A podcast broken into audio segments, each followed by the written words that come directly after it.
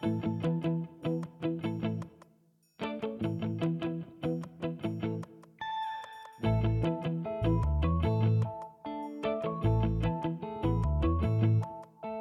Women Peloton Podcast.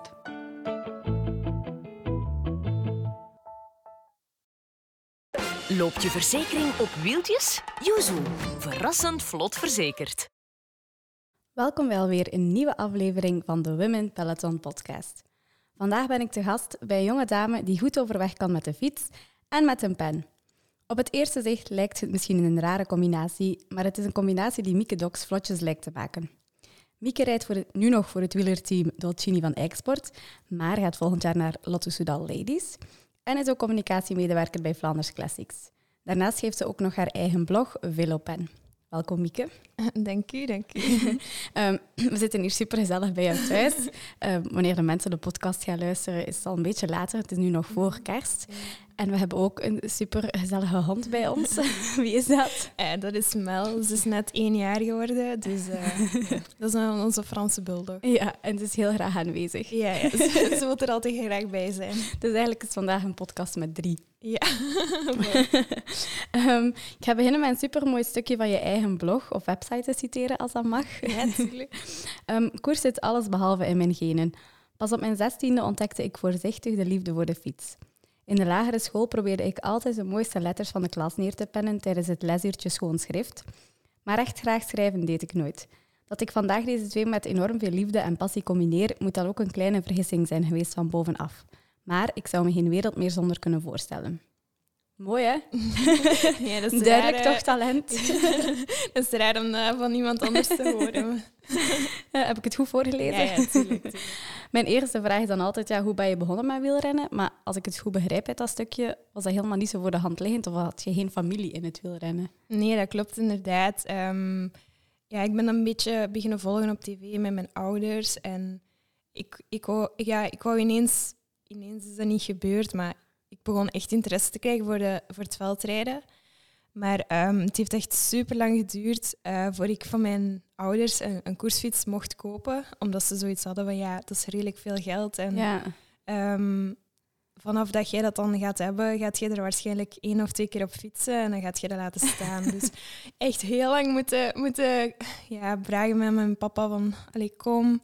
En dan kwam mijn papa opeens thuis met een mountainbike. En ik was echt, allee, een mountainbike voor hem, niet voor mij. Oh, En ik was echt, oh, ik was echt boos. Ik zeg, als jij een mountainbike mocht kopen, dan wil ik ook een fiets. Dus oké, het weekend nadien zijn we naar de fiets, fietswinkel geweest. En eh, dan heb ik daar mijn eerste beste fiets gekocht. Er was niet veel keuze. Gewoon ja, gekozen wat op mijn maat was. Ja. En ehm, ja, dan heeft het ook wel nog heel, heel eh, eh, lang geduurd voordat ik dan effectief ook mijn eerste koers mocht gaan rijden. Maar nu want zijn hoe oud was je toen? eh, ja, dat is rond mijn 15, 16 jaar Ja. toen. Wat redelijk laat is eigenlijk in, Ja, in het inderdaad. Ehm, dus dat ook al. Ehm, dus ja, dat heeft dan super lang geduurd voordat ik dan echt ja, mijn eerste rugnummer mocht opspelden. Ehm, en dan, ja, die eerste koers was echt dramatisch. Eh, na de eerste ronde was ik al bijna gedubbeld. Allee, dat is misschien heel extreem, maar ik was al meteen gelost na twee kilometer, denk ik. En ja, mijn ouders die gaan echt zoiets gedacht hebben van, oh, waar zijn wij in godsnaam aan begonnen? Dus ja, dat eerste jaar heb ik ook totaal niet, niet veel wedstrijden gereden, Ja. omdat mijn ouders dat niet echt zagen zitten om ja, telkens in een weekend ehm, zo ver te rijden voor een wedstrijd waar ik dan één of twee kilometer mee in het peloton reed. Dus ja, dat was, eh, het was echt wel een moeilijk begin. Ja, maar dan toch doorgezet. Ja, eh, met veel vallen en opstaan letterlijk. Ehm, maar dan mijn allerlaatste koers in dat eerste seizoen ehm, heb ik dan kunnen uitrijden. En dat, dat, was, dat voelde voor mij aan als een overwinning. Dus Ja. dan hadden mijn ouders ook zoiets van... Allee, is, het is wel... Allee, Het is toch nog niet zo erg omdat Ja. we dachten dat het was. En ja, het volgende jaar, was, dat was ik tweede jaar junior. En dan, ehm, dan begon het wel redelijk goed te gaan. En tegen het einde van het seizoen heb ik dan ehm, een tweede plaats behaald. Dus voor mij was dat zeker wel een motivatie van, kijk, Ja. als Maar ik dan is blijf... het eigenlijk super snel. Ja, bij de juniors op dat moment was dat nog niet zo spectaculair. Of, allee, dat, dat was mooi, maar dat was in een kermiskoers. En, en, ehm, maar dat was inderdaad wel een van mijn hoogtepunten in dat seizoen. En Ja. dat, dat gaf mij wel motivatie van, kijk, ehm, als ik blijf doorzetten, dan kan ik er wel, allee, kan ik er wel iets meer uithalen. Dus uh, ja. En was dan vanaf dat moment een droom om op hoger niveau te gaan fietsen? Ik wil zeggen, als je allee, er je job van te maken? Of... Um, nee, die droom is echt pas veel later gekomen, omdat koersen was echt iets helemaal nieuw voor mij. Voor mijn familie, voor eigenlijk iedereen rondom mij. En ik moest echt zoveel... Mel. Mel is al aan het spelen met haar botjes. uh, ja, ik moest zoveel dingen leren dat dat echt totaal nog niet in mij opkwam. Ja. ja, en ja, je komt uit een familie die, niet, allee, dat eigenlijk bijna niks van wielrennen kent. Hoe heb je dan direct een trainer gezocht, hulp gezocht? Of... Um, ja, nee, in het begin eigenlijk niet. Dat was gewoon um, leren wat ik uh, rondom mij zag. Ik zat wel in een team, dus daar leerde ik ook wel um, ja. wat dingen van. En dan de rensters rondom mij in mijn team en al. ja, dan, daar leert je ook wel al heel snel. Ah, ja, gewoon echt heel veel stelen met de ogen en, en kijken van wat kan ik beter doen volgende keer, hoe kan ik dat doen. Ja, ja mijn ouders die, die kenden niks van de koers, maar allee, van het echte koersen. Dus op tv volgden ze dat wel super graag en al, maar zo echt, uh, ja, ineens zit je in die wereld en dat was echt, ja, voor hun was dat helemaal nieuw en voor mij was ook echt, uh, ja, ik weet eigenlijk op dat moment, allee, vroeger, hoe ben ik daar in godsnaam opgekomen? nu lijkt mij dat allemaal logisch, maar als ik mij moet denken wat ik daar toen allemaal moest leren, dat was echt... Ja, ja. Ja, je begint van nul gewoon. Ja, Het doet er me aan denken. Ik dacht er opeens aan in de auto als ik naar hier reed. Uw papa heeft ooit een mailtje gestuurd naar de Women Peloton.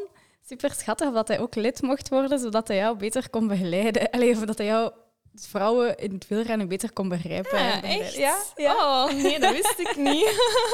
Oké, papa, bij deze. dus nu zijn ze wel heel behaan met jou.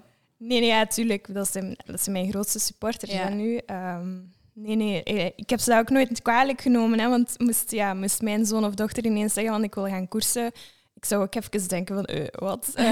het is ook, het is ook uh, een redelijk dure sport en, en het is tijdens, tijdsintensieve ja. sport. Dus um, ja, ik begrijp hem wel echt. Ja. Voor de duidelijkheid, het is niet Mickey Dox die aan het knorren is. het is Mel, de Franse bulldog. oh, ik, heb zo, ja, ik wil echt de, de, podcast beginnen filmen, want ik heb altijd zo grappige zaken voor tijdens de podcast dat iedereen dat moet zien. Um, je hebt ook je diploma journalistiek behaald ondertussen. Heb je bewust gekozen voor deze richting met het idee, Anne, kan ik misschien later op een andere manier in het wielrennen werken? Um, het was zeker iets um, wat, allez, wat er ook mee te maken had. Maar het is niet dat ik echt sportjournalistiek wou gaan volgen. Um, ik was meer geïnteresseerd echt in de televisiewereld en alles wat daarachter zat dat leek me wel echt een, een leuke, allez, een leuke omgeving om in te werken. Ja. En uh, ja, uiteindelijk heb ik dan ook mijn stage gedaan bij de Ideale Wereld. Dat wel echt, ah, voor, Mijn, ja, voor mij een top, top ervaring was. Dus zo echt die, allez, ik wou eerder die richting uitgaan. Omdat ja. ik wist ook van, moest ik in de sportjournalistiek terechtkomen, kan ik dat niet combineren met ja, mijn eigen wielrennen. Ja. Dus. ja, dat is waar. Dat is waar. Alleen bij de Ideale Wereld. Ja. maar er is toch ook zo'n stukje daarin, dat is dan zo als het seizoen is, zo bij de renners altijd zo langs gaan en zo van die domme interviews Ja, inderdaad. Met Thomas Hagen en zo. Dat, vond ik echt altijd de max. Waart jij dan degene die de vragen moest uh, bedenken? Nee, nee, ah. nee. ik, zat, uh, ja, ik zat eerder in de productiekant ah, ja. op dat moment. Dus. Ah, ja. Anders wisten we van waar dat al die vragen kwamen. Um, ja, we weten het allemaal. Wielrennen dat is een heel tijdsintensieve sport. Hoe heb jij dat in godsnaam geflikt, bij mij van spreken, om je diploma te behalen? Want je hebt het gewoon op drie jaar gedaan, of ja, niet? Ja, dat het, was, ja, het was een bachelor, dus op zich um, is dat nog niet zo heel veel van... Allee, dat is niet zo heel veel studeren, maar ja, het neemt wel heel veel tijd in om um, naar mensen te gaan, te gaan filmen, reportages te maken, want dat was dan hetgeen dat ik vooral in die richting moest doen.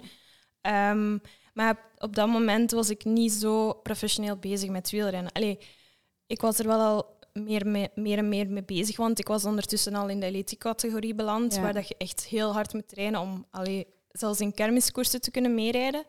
Um, maar op dat moment ging mijn school wel nog altijd voor. Dus ik heb um, getraind wanneer ik kon trainen, maar mijn, ja, mijn reportages, mijn, ja, het studeren, dat ging wel altijd voor. Ja, ja. En um, ja, dus je doet dat nu? Je werkt ook nu bij Flanders mhm. Classics als communicatiemedewerker. Je hebt mij daarnet verteld dat dat 30 uur in de week is. Ja, dat klopt. Wat behoorlijk veel is. En hoeveel uren in de week train je? Ehm, ja, dat hangt een beetje van de periode af. Hè. Ehm, ik denk dat ik nu eh, op dit moment rond de 16, 17 uur zit, maar dat gaat nog opgebouwd worden naar, ja, naar die 20 uur weken. Ja. Ehm, dus dat is wel redelijk stevig. Ja, ja, dat kan ik geloven. Jij doet eigenlijk gewoon bijna twee fulltimes. nee, dat zou ik nu ook niet zeggen, want allee, ik heb wel echt geluk met deze job dat ik gewoon mijn uren kan kiezen. Ja. Dus uh, ik sta gewoon uh, wat vroeger op, zodat ik dan in het daglicht kan trainen. En dat is wel echt een voordeel. Ja. Dat ik gewoon naar buiten kan gaan. Dat ik niet s'avonds in een donkere nog op mijn fiets moet kruipen. Dus dat zie ik wel als een heel groot voordeel. Ja. Jij bepaalt echt gewoon je dag. Ja, dat komt Grote er eigenlijk mate, op neer. Ja. En hoe ben je eigenlijk bij Flanders Classics terecht te komen? Van de ideale wereld naar Flanders Classics. Het is eigenlijk grappig, want is in hetzelfde gebouw in Woestijnvis. En eigenlijk ook de kantoren zijn bijna vlak Ah, ja. naast elkaar. Dus het is wel grappig dat ik ja, zoveel jaar later terug bij Woestijnvis ben terechtgekomen. Uh, dus die gebouwen en zo, die kende ik wel nog. Ik wist mijn weg eigenlijk al terug meteen. Dus dat, is, dat was wel grappig. Um, hoe ben ik daar terechtgekomen? Ik was vorig jaar op zoek naar een job. Um, of ja, bijna al twee jaar geleden ondertussen. Um, omdat ik had daar voordien had ik een, um, een sportstatuut. Dus dat maakte dat ik gewoon kon, kon, wiel, allez, kon sporten Ja. zonder dat ik uh, ver, werkverplichtig was. Maar ja, daar verdiende ik bijna niks mee. Um, dus, en dat statuut was dan afgelopen, dus ik was op zoek naar een job. Um, op dat moment heb ik dan Thomas gecontacteerd, Thomas van de Spiegel. Ja. Maar ja, toen, was er, uh, toen hadden ze net iemand aangenomen, dus het was niet echt... Um... ja, de plaatjes die je wilt hebben. Ja, inderdaad. dus, er was geen plaats op dat moment. dus ben ik dan uh, in een webdesignbedrijfje terechtgekomen. Maar door corona, ja... dat was echt uh, ja, een Ook heel al. moeilijke periode voor, voor dat bedrijfje. En um, dan, ja, dan zat ik ook thuis met niet zoveel werk. Dus op dat moment ben ik dan wel een beginnen rondkijken naar opnieuw um, ja, een nieuwe job. En heel grappig, echt heel toevallig, op dat moment stuurde Thomas mij uh, van kijk, bent jij nog altijd op zoek naar een job? En dan zei ik van, ja, eigenlijk wel. En echt op een week tijd is dat gefixt. En, en uh, ik ben dan in juni beginnen werken voor uh, Flanders Classics. Dus Ja. dat was wel... Hey, voor mij was echt wel een, een heel leuke jobaanbieding. Ja. Want Dat is gewoon meant to be. ja, het, het was ook echt na, net na mijn verjaardag. Dus dat leek echt gewoon een cadeau Ja. of zo. Dus ja, het is wel een bewuste keuze geweest om echt te werken en te fietsen. Ehm, bewust ja, nee, omdat ja, ehm, met wielrennen alleen verdien ik eh, jammer genoeg niet, zo, niet zoveel, om Ja. te, niet te zeggen bijna niks. Ehm, dus ja, het is wel echt de bedoeling dat ik ernaast ook werk, want anders ja, kan ik eh, de huur niet betalen, kan ik mijn eten Ja, ja. niet betalen, dus het is wel echt nodig. Maar moest je eigenlijk kunnen kiezen, hoor ik, zou je eigenlijk liever gewoon voltijds voor het wielrennen gaan. Ehm, mm, Moeilijke keuze. hè? ja, omdat ja, de job die ik nu doe, doe ik wel heel graag. Ja. Ehm, maar moest ik ooit de kans krijgen om er echt nog eens 100% voor te mogen leven, ja, dan. Mel is echt een clowntje, die is hier de show aan het stelen. ik weet niet wat ze wilt, maar eh, Aandacht. aandacht, ik denk het ook. Ehm, ja, nee. ehm, dan zou ik er wel nog eens voor gaan, denk Ja. ik. Moest ik de kans krijgen. Maar het is nu gewoon financieel niet haalbaar. Nee. Want ja, ehm, je gaat nu naar Lotto Soudal volgend jaar. Dat, is, dat is een zeer goede vrouwenploeg. Mhm. Eh, maar daar zijn de middelen ook nog altijd niet groot genoeg, jammer genoeg, om, om er volledig te kunnen van leven dan. Nee, dat klopt. En ehm, ja, voor volgend jaar gaat Lotto Soudal Ladies er een beetje anders uitzien. Het zijn vooral heel jonge meisjes. Ja. Ehm, dus ja, dan is het ergens een beetje logisch dat, dat ze daar niet heel veel fulltime profs gaan, gaan hebben. Ehm, maar gewoon echt een goede opleidingsploeg voor die meisjes ja, op te leiden en, en te zien waar dat ze kunnen komen in, in het vrouwenwielrennen. ja. Maar neem ons een keer mee. Hoe ziet jouw week zo gemiddeld er dan uit? Zo, nu niet in de winter, maar een drukke, een drukke week van Mieke Docs. Hoe ziet die eruit? Goh, ehm, ja, dus in de weekdagen ehm, sta ik meestal op rond 6.30 uur. 30, Ja. En dan, dan begin ik te werken om 7 uur. Mijn ontbijt neem ik meestal gewoon bij mij. Tijd, tijdsbesparingen. Ehm, ja, dan werk ik tot ongeveer 9 uur. En dan maak ik me klaar om, om te vertrekken op training. Ehm, die training ja, dat varie- varieert van dag tot dag. Ehm, ehm, ja, en dan als ik terugkom, is dat douchen, snel iets eten en dan terug achter de computer kruipen. En dan ja, werken tot, ja, ik zeg, ja, ik werk misschien 30 uur per week, maar het is natuurlijk communicatie, dat is niet tijdsgebonden. Hè. Nee, nee. Dus soms komen er wel nog wat extra uren bij, omdat ja, iets echt af moet. Deadlines, dat, dat zit er wel heel vaak bij. Ehm, dus ja, dan werk ik tot, tot ik echt alles heb, afgerond dat die dag moet afgewerkt worden. Ja. Ehm, dan is het ofwel ik die kook ofwel mijn vriend. Ehm, dus dat is wel nog een makkelijke rolverdeling. En ondertussen ga ik dan meestal ook wel eh, nog met Mel wandelen, s'avonds een grote wandeling, zodat ze toch haar, haar, eh, ja, haar eh, sport ook heeft gehad. Ehm, en dan ja, na het eten is het eh, ja, opruimen, de was waarschijnlijk nog even alles, allee, alles wat er rommel of, of ligt, dat moet allemaal opgeruimd worden, want we zijn wel allebei iemand die dat niet kunnen zien liggen. Ja. Dus dat is misschien ook wel een probleem. En dan tegen dat ja, avond is, ergens tegen acht, half negen, dan, dan kunnen we eindelijk in de zetel gaan liggen. Maar dat kan echt van dag tot dag variëren. Ja, ja. Ehm, soms heb ik ook nog s'avonds krachttraining, dus dan zijn Ja, mijn wou avonden ook nog gevuld.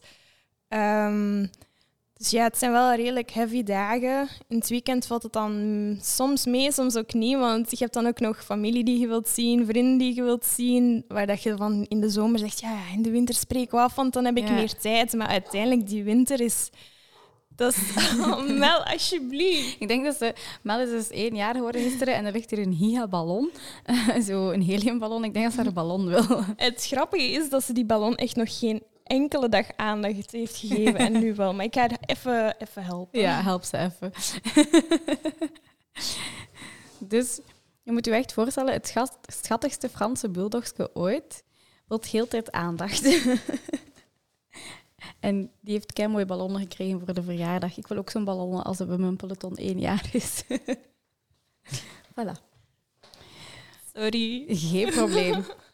Ja, de mensen weten het ondertussen al. Ja, ik knip voilà. en plak niet graag, dus we babbelen dat aan elkaar.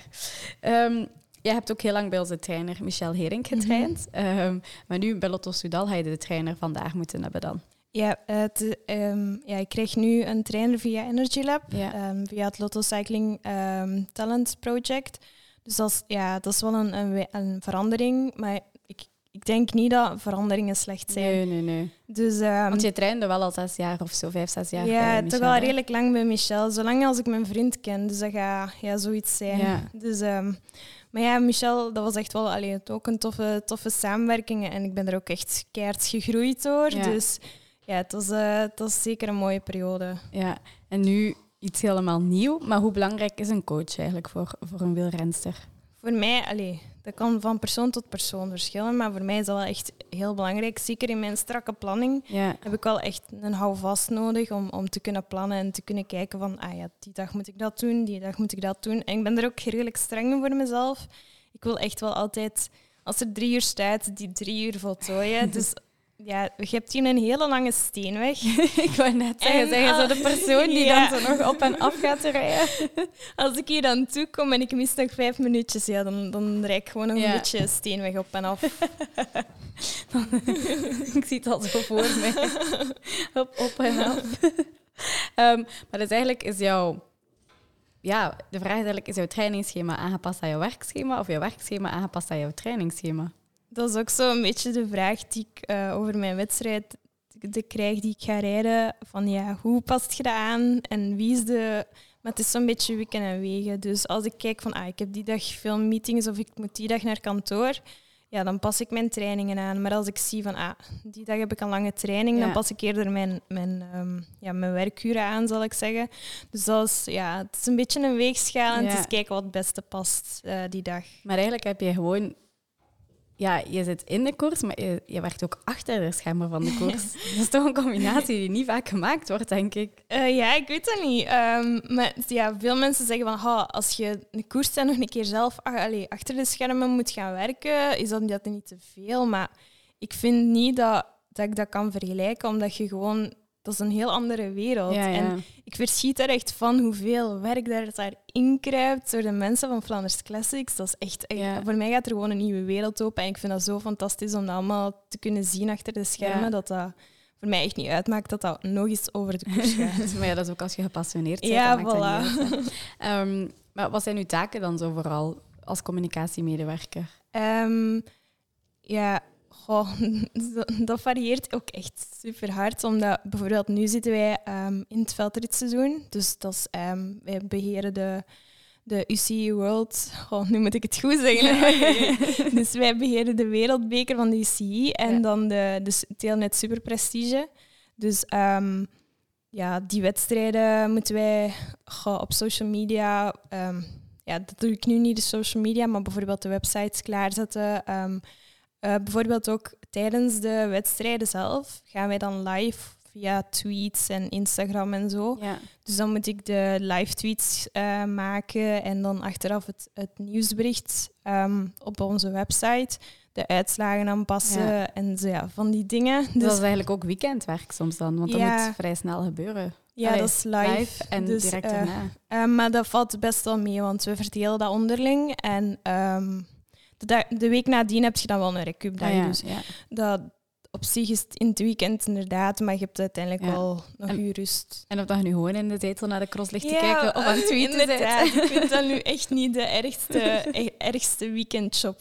Nee, Dus- kan ik me voorstellen. Dan heb je tenminste een reden. Allee, ik kijk super graag naar de cross, maar soms zijn mijn weekend zo vol dat ik niet kan kijken. Ja, wel. Dan moet je. Ik ga ook bij Vlaanders komen werken. Bij deze, ik solliciteer. nee, nee. Ehm, je was ook op het WK in Leuven aanwezig. Ehm, ja, jammer genoeg niet op de fiets, maar dan wel bij Vlaanders. Hoe was dat om dat zo te ervaren? Dat was echt fantastisch. Zeker omdat je ja, een WK in eigen land, dat gebeurt al niet zo heel veel. En dat ik daar dan achter de schermen mocht mee helpen. Ehm, ja, dat was wel echt eh, een supercoole ervaring. Ehm, ja. ja, dat is wel iets dat ik niet, niet snel ga vergeten, Nee. denk ik. Had je stiekem niet liever op de fiets gezeten? Goh, ik wist wel dat dat parcours niet echt iets voor mij Ja. ging zijn. Dus het deed niet echt zeer om aan de andere kant te staan. Nee. Omdat, ja... ik- Allee, ik ben ook wel heel realistisch in dat soort zaken. Ik wist van mezelf dat ik er zeker niet voor geselecteerd ging worden om... Ja, het parcours was iets te, te pittig en te... Hoe moet ik dat zeggen? Voor Ja. echte punchers. En ja, zo'n type ben ik niet echt. Maar je was waarschijnlijk wel even moe na al die dagen voorbereiding en daar aanwezig te zijn dan de rensters die het parcours gereden hadden. Oh, dat was echt eh, mijn benen. Ik voelde mijn benen niet meer. dat, was, dat waren wel echt heel intensieve dagen. Ehm, Jullie zaten daar toen ook op hotel, niet? Ja, ik heb eh, eerst in, toen, toen, ja, toen de tijdritten waren, heb ik wel nog thuis geslapen, omdat ik ook net terugkwam van eh, een rondje van Ja. zeven dagen. Ah, ja. Dus ik wou wel even nog thuis op mijn gemak bekomen ook daarvan. Dus dat was ook wel altijd naar Brugge heen en weer rijden. Eh, maar dat vond ik op zich niet zo erg. En dan in Leuven heb ik wel geslapen, omdat dat wel een beetje... Ja, dat was nog verder van thuis. En Dan moet je de ring over en dat is Ja, niet aan te raden. Nee, inderdaad. Nee, dat snap ik.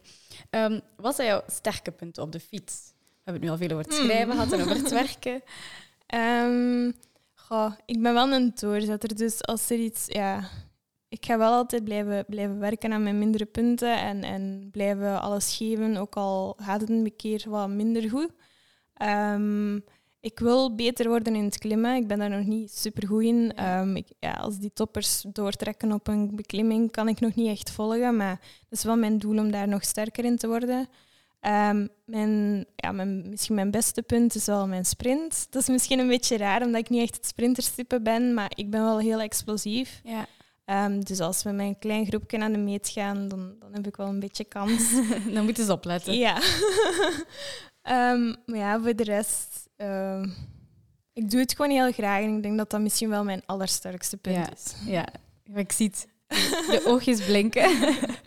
Ehm, ja, je zegt, klimmen kan ik bijvoorbeeld niet goed. Ja, niet iedereen kan alles ja, goed ik op kan de het wel goed, maar, Maar ja, ik wil het beter je wilt kunnen. ja. beter, eh, je wilt- ja, dat is niet dat is gezegd van mij. Niet goed, maar ik bedoel, dat is een van uw zwakkere punten, ik zal het zo zeggen. Ehm, sommigen haten om over de kasseien te rijden, anderen... Ja, maar dat haat ik ook. Ah, ah, ja. voilà, kijk, zie. Hoe ga je daarmee om in een koers? Want ja, je moet dat wel doen. Hè. Het is niet dat je zegt, ik ga nu even afstappen. inderdaad. Nee, de klimkoersen doe ik wel heel graag. Hè. Dus Ja. dat, dat is zeker niet... ehm, dat is dan beter, mijn beter punt. Maar bijvoorbeeld ja, kasseikoersen...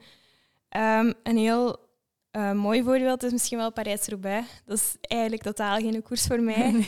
Maar als je dan ineens op die selectie staat en je, je weet, het is de allereerste keer Ja. dat dat gereden wordt, dan ben je gewoon dubbel en dik gemotiveerd. En ik heb Parijs-Roubaix uitgereden, de eerste, Ja. de eerste wedstrijd ooit. Dus ja, voor mij is dat voor mij was dat super.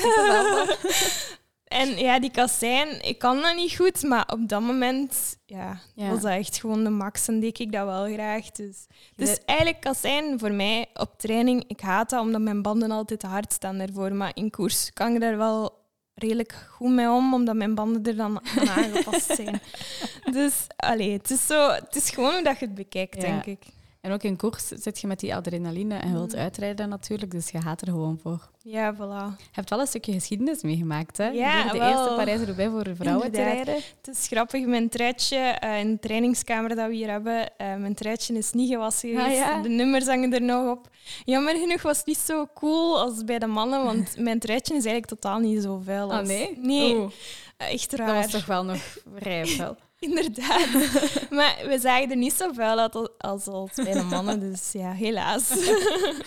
Maar toch, het is spectaculair. Bij de Women Peloton eh, praten we ook al een keer graag over zaken waar anderen niet zo Mhm. graag over praten.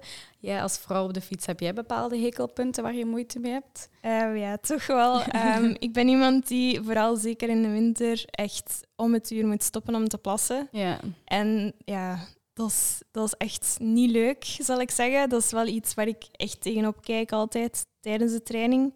En ook als ik van training terugkom, is het eerste wat ik moet doen, dat is gewoon mijn fiets tegen de muur zwieren en naar boven spurten. Het probleem is, ja, ik woon in een appartement op tweede verdieping. dus ehm, dat is de lift nemen of de trap. Maar de trap is niet zo praktisch met eh ja, klikschoen. Ja, ja. schoenplaatjes. Dus ehm, ja, dat is voor mij wel echt altijd zo die vijf minuten na training, dat is voor mij altijd de hel. Omdat ja, mijn blaas zegt dan ineens van je moet nu naar het toilet en niet een seconde later. Heb je toevallig al naar de... Ja, je hebt naar de podcast geluisterd, maar heb Ja. je want je had mij een berichtje gestuurd toen. dat klopt. Van, ah, ik ben niet de enige die, dat moet, die zo moet spurten. Inderdaad. Ik wou net zeggen, het is niet de enige, want in de Mhm. podcast, denk ik aflevering 9 met Hedwig Niels, onze bekkenbodem-expert, gaat het daar ook Mhm. over. Dus je moet de trucjes toepassen. Hè, zo. Ja, ik weet het. maar ehm, het is misschien, ja, volgende week ga ik ook eh, naar het ziekenhuis dan voor een onderzoek te laten doen, Ah, ja. omdat ik wel echt ehm, een keer wil weten van kijk, is dat nu echt een probleem? Of, ja. ja. Want het is nu, allee, het is, het is, het is gewoon echt niet plezant. Nee, nee, en, dat snap ik. Dus ja, ik ga het een keer laten onderzoeken en kijken Ja. wat ik eraan kan doen. Ja. Je mocht altijd een keer bij onze expert Hedwig Niels gaan. Die gaat u met Oké. heel veel plezier helpen. Nee, maar dat is echt Nee, dat is waar. goed, dat is echt waar. Ehm, maar als je dan... Je hebt dat alleen maar op training of ook, of ook een wedstrijd. In wedstrijd is dat eigenlijk heel zelden. Maar als ik het heb in wedstrijd, is dat echt de hel. Want ja, Ja, want iedereen kent het beeld van de mannen die moeten plassen en dan duwen ze elkaar verder. En dan, eh, of gaan ze even aan de kant gaan staan. Maar ja, bij vrouwen, dat is niet zo, hè? Nee, het, het enige moment dat ik me wel echt herinner, ehm, dat is, eh, de laatste wedstrijd is altijd in China, in Guangxi. Ehm, ja, nu is al twee jaar niet meer gaan, georganiseerd, jammer genoeg. Maar dat was ook de eerste keer dat mijn vriend mee was in de volgwagen. En dat was een koers van 160 kilometer, denk ik. Ehm, we waren vertrokken, maar het ging echt redelijk traag in het peloton. En ik zat ook al op mijn fiets. Oh, moet ik dit nog 160 kilometer volhouden? Ik moet nu al naar het toilet. En ineens gaat er ja, een renster, maar het zijn meestal rensters die zo wel al een groot aanzien hebben in het peloton. Die gaan dan helemaal naar voren rijden van het, van het peloton. Die gaan hun truitje uitdoen voor iedereen dat ze zien van kijk, ik ga nu plassen. Echt? Ze zetten hun aan de kant en dan volgt iedereen. Maar toen op dat moment, meestal volgen er zo een paar, maar toen op dat moment, ik denk dat heel het peloton is gestopt om te plassen. En mijn, mijn vriend moest dan passeren in de auto en die dacht echt, wat is dit? Die had zoiets nog nooit gezien. Maar ik was heel blij, want ik was niet de enige die moest plassen en ik was ervan verlost, want er volgden Oh. nog heel veel kilometers. Maar is dat dan zo geen stress, dat truitje uit, je broek oh. Ja, ik had toen eh, op dat moment een sprintpak aan. En dat wil zeggen dat die zakjes dan ja, gevuld Ah, ja. zijn met gelletjes, maar dat je die, ja, je truitje naar beneden trekt, dat die er allemaal uitvallen. Dus ik moest die er wel allemaal heel snel terug steken. Maar op zich was dat geen stress, want ik wist iedereen is Ah, ja, gestopt. iedereen is Ehm, gestopt. ik kom wel snel terug. Als je helemaal alleen stopt, op een verkeerd moment heb je wel een probleem. Ja. Dus dat durf ik niet echt. Nee, oh, maar, oh, ik kan me dat niet voorstellen. Ik kan niet fietsen als ik moet plassen. Nee, ik ook niet. Dus dat, dat begint dan echt heel, heel veel pijn te doen. Ja. En dat haat ik echt. Maar ehm, ik wist dat niet dat dat zo ging eigenlijk. Eh, ik vroeg mij Ja. vanochtend in de auto vroeg ik mij dan af van ik ga dat een keer vragen hoe dat eigenlijk gaat als je moet plassen Ja. op, eh, op de fiets in de wedstrijd. Maar dat is echt één iemand beslist. Mhm. Maar stel nu dat jij naar voren zou rijden, jij doet dat. dan, ga ik ze heel, dan ga ik heel veel naar Randstad Raging kijken, denk Maar, ik. allee. Ja, het moet wel iemand zijn die zo'n beetje iets te zeggen heeft. Of zo'n bordje meepakken. Plassen. Please stop. Ehm, ja, ik denk dat we al eh, redelijk wat vragen beantwoord hebben. Dat wil zeggen dat we dan meestal ja, aan het einde zijn. En Mhm. aan het einde dan stel ik nog altijd mijn twee vaste vragen. Ja. Eén, waar kunnen mensen jou volgen? Want, dat ben ik misschien vergeten te zeggen, je hebt ook jouw eigen blog. Ik heb het wel in de Mhm. inleiding, Veel Ja. Pen. Ja. Ben je daar nog heel actief op? Want ja, je hebt nu zoveel andere dingen te doen. Jammer genoeg niet. Dus, maar de bedoeling is wel om ja, volgend jaar nieuwe, nieuwe ploeg. Dus dat ik daar wel een beetje meer terug op ga posten. Plus ja, op mijn Facebookpagina zet ik wel nog altijd mijn uitslagen. Of mijn, ja, als er iets nieuws te melden is, dan, Ja. dan, dan post ik dat daar wel op. Dus waar kunnen ze jou volgen? Dat is dan gewoon Docs Ehm, ja, Instagram. Op Instagram is dat gewoon mijn, mijn naam. Eh, nee, ja, ik heb gemerkt dat dat nog altijd Mieke Dogs is met drie, met drie O's. Ik heb Ah. dat ooit eens vroeger gedaan. Ik weet echt niet waarom en ik heb dat nooit aangepast. Dus misschien is het wel een keer een moment om mijn naam te veranderen. Ehm, en dan op Facebook is dat veel op en Mieke Dogs. Ehm, Ja. Een beetje gerelateerd met, met, mijn, ehm, ja, met mijn blog. Ja. En waar kunnen, kunnen mensen de hond volgen? Nee, Mel heeft een Instagram-pagina. dus vooral ja, voor mezelf, omdat ik dat dan later kan terugbekijken. Maar ik vind het wel leuk dat andere mensen er ook Ja. wel eh, op reageren. Dus Mel heeft ook een Instagram-pagina en de naam is Mel Frenchie, denk ik. voilà, allemaal Mel volgen.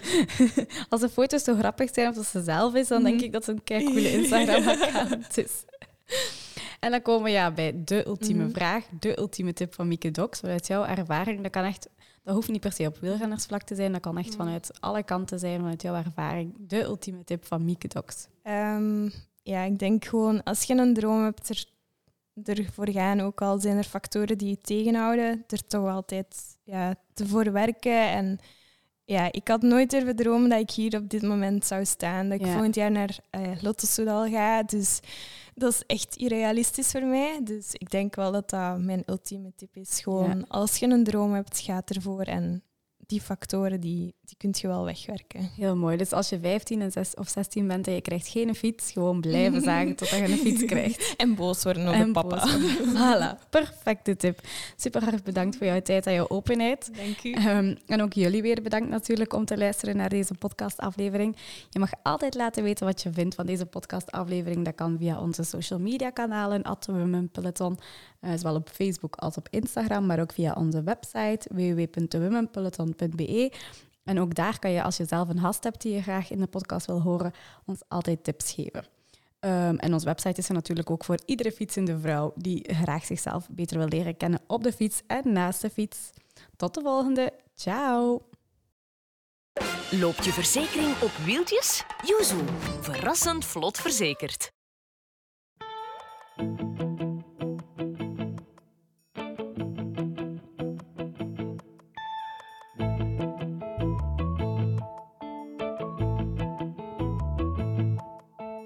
Women Peloton Podcast.